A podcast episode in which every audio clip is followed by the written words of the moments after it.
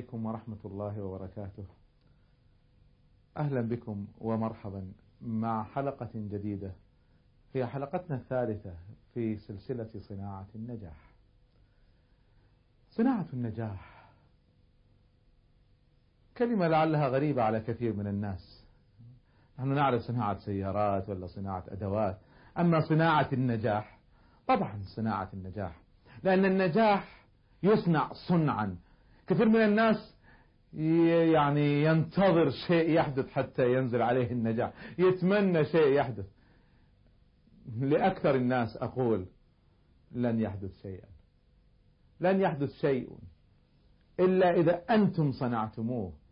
الله سبحانه وتعالى على كل شيء قدير وقد يتدخل القدر أحيانا فيغير حياة بعض الناس. هذا صحيح. لكن هذا هو الاستثناء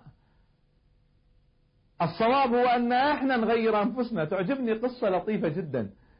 لأحد الشيوخ كان عنده تلاميذ من بينهم تلميذ نجيب صاحي واعي. لكن ما زال خبرته في الحياة بسيطة. فضاق عليه الرزق. فقرر أن يسافر لطلب الرزق فاستأذن من شيخه. وقال له يعني اسمح لي مضطر أتركك.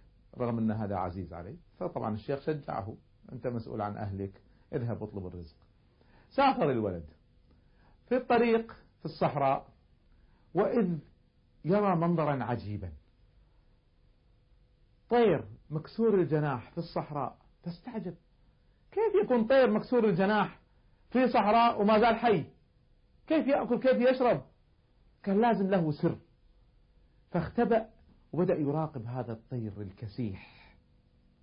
بعد فترة من انتظاره وإذ بطير صحيح ينزل حتى يقف عند الطير الكسيح ويلقمه في فمه. سبحان الخالق القادر. فالولد بدأ يفكر. فقال سبحان الذي يطعم طيرا كسيحا في وسط صحراء. الذي يطعم طير كسيح في وسط صحراء ما يطعمني وأنا عند الشيخ فقرر أن يرجع إلى الشيخ. في اليوم التالي الشيخ في حلقته فجأة الولد دخل حضر الدرس معه تركه في نهاية الدرس جاله. قال له يا ابني أنت قلت لي مسافر ما الذي أعادك؟ فذكر له قصة الطير الصحيح مع قصة الطير الكسيح وقال يا شيخ أنا فكرت. قلت ما بما أن الله عز وجل يرزق الطير الكسيح في صحراء سيرزقني وأنا عندك. فليش أتركك؟ أتعلم منك ولعل الله سبحانه وتعالى يرزقني وأنا هنا. فأنا أنتظر أن الله يرزقني وأنا عندك. فهنا الشيخ غضب. قال يا بني لماذا اخترت أن تكون الطير الكسيح؟ ولم تختر أن تكون الطير الصحيح. ليش نختار أن نجلس ما نعمل شيء ننتظر أحد يلقمنا النجاح؟ ليش ما إحنا نصنع النجاح؟ هذا هو حديثنا حول صناعة النجاح. وذكرت لكم أن صناعة النجاح صناعة النجاح مفهوم جميل جدا. يدور حول أن ينجح الإنسان في أربعة جوانب. انجح مع نفسك. انجح في علاقاتك. انجح في إنجازاتك. وانجح مع ربك. تنجح نجاحا كاملا. وبدأنا نفصل في النوع الأول من النجاح وذكرنا حوله بعض المفاهيم. خلاصتها أنك أنت صاحب إرادة صاحب قدرة. أنت الذي تغير حياتك. لا تنتظر شيء يغيرها. بعض الناس ينتظر صدمة أو مصيبة أو حدث يحدث. الأفضل والأعظم والأجمل من هذا هو أن الإنسان هو الذي يصنع النجاح بنفسه هو صاحب قرار صاحب إرادة. وبالتالي التغيير أعظم التغيير هو التغيير الواعي النابع من إرادة النابع من قرار. ما هو التغيير اللي واحد جالس ينتظر شيء يصير؟ ولكي نبدأ هذا التغيير. التغيير يدور حول مفهوم أساسي. نظرتك للحياة وما بعد الحياة. خمسة أسئلة خمسة أسئلة أدعوكم للتأمل فيها. ماذا أريد؟ ماذا تريد في الحياة؟ ما هي أهدافك؟ لماذا لا أتغير بالتأكيد أنا في أجزاء من حياتي ولا تصرفاتي ولا سلوكي غير غير مرضية. بعض بعض جوانب حياتي غير ناجحة. ماذا أريد؟ ولماذا لا أتغير؟ ما الذي يمنعني أني أتغير؟ السؤال الثالث عندما تتصرف تصرف خاطئ وكلنا يتصرف تصرفات خاطئة لكن بعضنا أكثر من بعض. عندما تتصرف بطريقة خطأ لماذا تصرفت بهذه الطريقة الخطأ؟ لماذا تصرفت هكذا؟ هذا هو السؤال الثالث. كل هذه الأسئلة لنصل إلى السؤال الرابع. هل أنا سعيد؟ هل أنا سعيد؟ أنت سعيد؟ فعلا جد بصدق. لما تصير وحدك هل أنت فعلا سعيد؟ هل أنت يا أختي ولا يا بنتي؟ هل أنت سعداء فعلا؟ لما تسكرون الباب على أنفسكم تجلسوا لوحدكم تشعروا بملل. وبضيق ولا تشعروا بسعادة. هل أنتم سعداء؟ والسؤال الأهم من هذا كله من أنا؟ من أنا؟ فكروا في هذه الأسئلة الخمسة. ماذا أريد؟ لماذا لا أتغير؟ لماذا تصرفت هكذا؟ هل أنا سعيد؟ من أنا؟ الوصول إلى الإجابة على هذه الأسئلة الخمسة ليس سهلا. يحتاج إرادة يحتاج خطة يحتاج منا أن نتفكر ونتأمل في حياتنا. وسبحان الله يحتاج أن الواحد يتذكر أنه فريد من نوعه. كل واحد فينا يختلف عن الآخر. ما فينا اثنين متشابهين. النجاح هو ليس بتقليد الناجحين. النجاح قرار ذاتي بإرادة. هذا هو النجاح. لو قدرنا ننجح بهذه الطريقة سننجح نجاح غير عادي. خلونا نتفكر شوية في قضية التفرد والتميز هذه. خلونا نتفكر فيها شوي.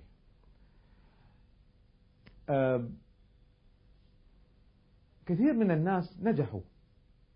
محاولة تقليدهم ستؤدي إلى فشل. ليش؟ لأن هؤلاء لما نجحوا كانت عندهم قدرات. الله سبحانه وتعالى أعطاهم إياها. هذه القدرات ليست عندك مئة بالمئة قد تكون عندك بعضها لكن ليست عندك نفسها. أيضا لهم خلفية تاريخية تختلف عن خلفيتك. لهم طريقة في الحياة والتعامل تختلف عن طريقتك. هذا كله جزء من التأمل الذي أريدكم أن تتأملوه. إذا لكي أنجح. لازم أعرف نفسي. وأعرف أنا بما أختلف عن فلان وأنت بما تختلفين عن فلانة. النجاح بالإبداع بالتفرد بالتميز. أسهل بكثير من النجاح بالتقليد. كثير من الناس يحاول أن يمثل. أنا أعرف اثنين من أساتذتنا المشايخ. واحد كبير وواحد أصغر منا في السن. هؤلاء الاثنين الصغير منهم بدأ يقلد الكبير. هذه القصة مضى لها الآن أكثر من 25 سنة وما زالت مستمرة. ما زال الصغير يقلد هذا الكبير. النتيجة أن اثنينهم ناجحين لكن الكبير نجاحه كبير والصغير نجاحه صغير جدا. لأنه لم يتميز لم يتفرد. إذا أنا أريد أن أدعو كل واحد منا أن يتفكر في هذا المفهوم. مفهوم التفرد مفهوم التميز. لما نقول انجحوا أنا ما أدعوكم أن تقلدوني ولا تقلدوا العلماء أو أو الاقتصاديين أو السياسيين أو الرياضيين أو الفنانين. لا تقلدوا أحدا بل اجلس لحظة صدق مع النفس. من أنا؟ ماذا أريد؟ مرة أخرى الأسئلة هذه الرئيسية الحساسة التي تشكل الحياة وتشكل مسارنا فيها. من أنت؟ وماذا تريد؟ وبما تختلف عن غيرك؟ ما الذي يميزك؟ ما هي نقاط الإبداع لديك؟ ما هي نقاط القوة عندك؟ ما هي نقاط الضعف؟ لا تحاول أن تبني نجاحا على نقاط ضعف لديك. لا انطلق في نقاط القوة. حاول أن تعالج نقاط الضعف لكن لا تحاول أن تجعلها هي منطلقك. ميز نفسك ميز قدراتك اعرف ذاتك. من هنا تنطلق في مفهوم النجاح. أريد كل واحد منا أن يبدأ يتفكر في هذا المفهوم. ويتفكر في مفهوم آخر مهم جدا. هل أنت ناضج؟ سبحان الله أنا أعرف بعض الناس يصل عمرهم 25 سنة 30 سنة وتحس أنه ما زال عقله عقل طفل بعد ما نضج. سبحان الله الإنسان يمر بمراحل نضج. دعوني أنطلق معكم في مراحل النضج. تأملوا معي هذا المفهوم. هل أنا ناضج؟ هل أنت ناضج؟ ما مفهومك للنضج؟ ما مفهومك أنت للنضج؟ دعونا نفصل في هذا المفهوم. مراحل النضج هي مراحل التغير الرئيسة والتي تنقل الإنسان إلى درجة أعلى من الوعي ومن المسؤولية. مراحل النضج إذن رغم قلتها لكنها فاصلة في حياة الإنسان. هل تتذكر لما كنت طفلا صغيرا؟ هل أنت اليوم بنفس العقلية ونفس الشعور ونفس التصرفات اللي كنت فيها في ذلك الوقت؟ بالتأكيد لا أنت نضجت. هل فعلا نضجت؟ كم درجة النضج هذه؟ تأمل معي. هناك ثلاثة مراحل رئيسية للنضج وهناك مرحلة رابعة سأتحدث عنها فيما بعد إن شاء الله. لكن دعونا نأخذ ثلاث مراحل الرئيسية كما يصفها الأستاذ الأمريكي الكبير ستيفن كوفي. يقول أن الإنسان يمر بثلاثة مراحل نضج رئيسية. المرحلة الأولى من مراحل النضج هي مرحلة الاعتماد على الآخرين. شوفوا تذكروا معي الإنسان أول ما يولد. سبحان الله ضعيف مخلوق ضعيف جدا. يعتمد على الآخرين في كل شيء بالذات على الأمة. أو من يتولى. في كل شيء. في الأكل في الشرب في الملابس في النظافة. وكما يقول النبي صلى الله عليه وسلم كل مولود يولد على الفطرة فأبواه يهودانه أو ينصرانه أو يمجسانه. حتى القيم والأخلاق والدين والمذهب حتى الطائفة التي ينتمي إليها كلها تشكل في تلك الفترة حتى شخصيته تشكل في تلك الفترة يشكلها في الغالب له آخرون. وذلك أنا دائما أقول في دوراتي في القيادة أقول أنه الإنسان يصنع أيما صنع في هذه المراحل الأولى من مراحل النجاح. في مرحلة السبع سنين الأولى. هناك تصنع القيم هناك تصنع المبادئ هناك تبنى الشخصية. في تلك المرحلة فرصة غير عادية لصنع القيادات. وذلك تعرفون الجريمة الكبيرة التي تحدث في رياض الأطفال. عندما تتحول رياض الأطفال إلى أغاني وناشيد وألعاب فقط لا قيم ولا مبادئ ولا بناء شخصية ولا فن التعامل مع الناس. هناك في تلك الفترة الإنسان مستسلم للآخرين حتى طريقة حياته هم يشكلونها له. حتى شخصيته تشكل له. متى بدأ ما بدأ الإنسان يستقل من هذه المرحلة إلى مرحلة أخرى. بدأ ينضج. عندما يبدأ بالاستقلال ينضج الإنسان. استقلال. يعتمد على نفسه. شوفوا بعض الناس تلقاه فخور. ابني صار رجال. راح سوى الشغلة الفلانية الوحدة وعمل كذا الوحدة. كلنا لو أولادنا عملوا هذا نفتخر. كثير من الأمهات تفتخر. بنتي تفكر أكبر من عمرها. هو هنا في شعور أن هذا الولد أو البنت بدأ ينضج. طبعا إحنا نقدر نخليهم نساعدهم على النضج.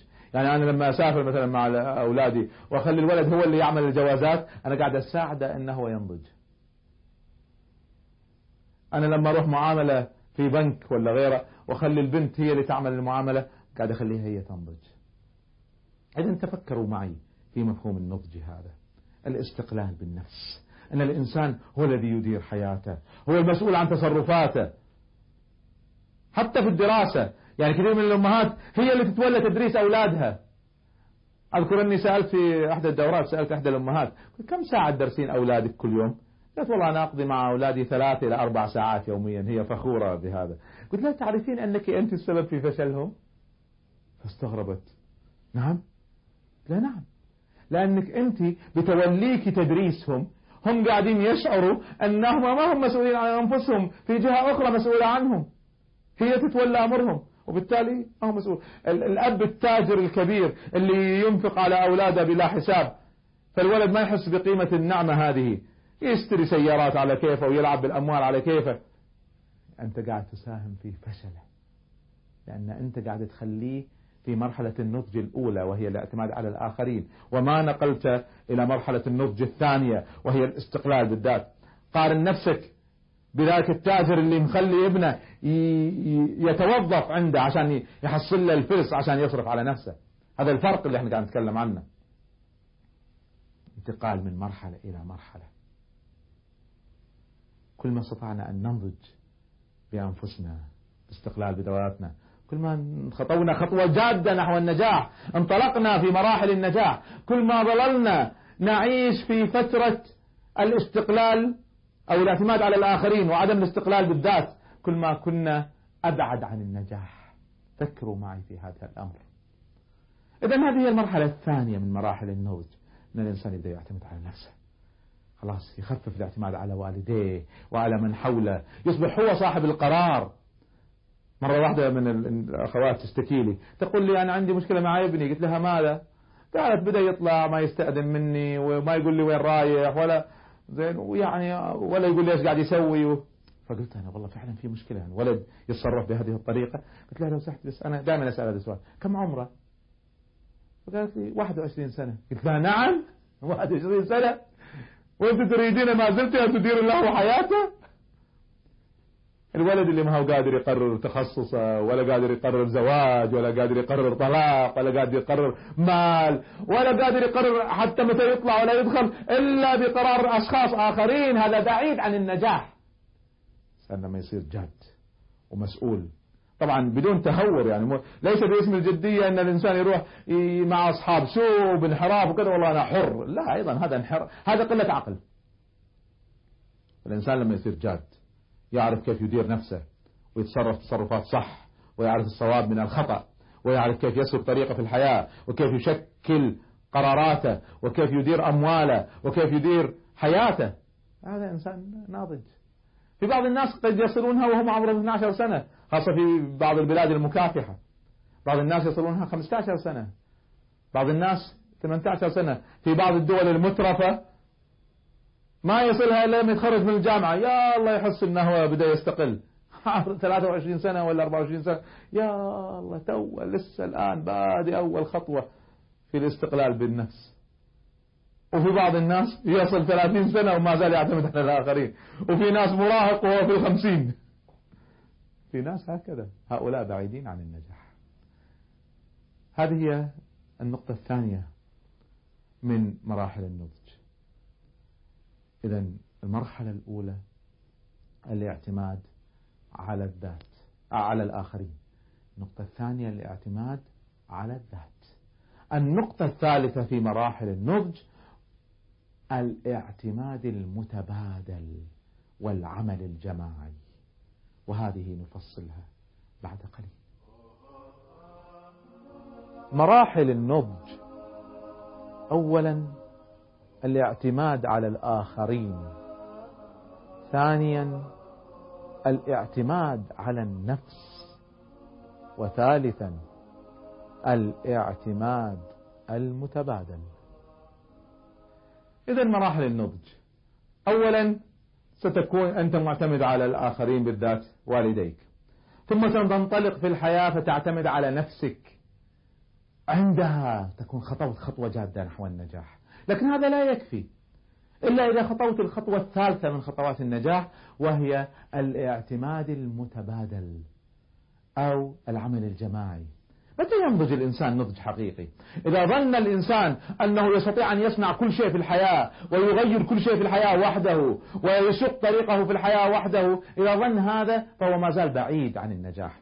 متى ما فهم الإنسان أنه يحتاج الناس يحتاج من حوله أنا مهما وصلت من قدرات ومن طاقات إلا أني ما زلت ضعيف. وهناك من هو أفضل مني في بعض الجوانب. أنا عندي نقاط ضعف وغيري عنده نقاط قوة.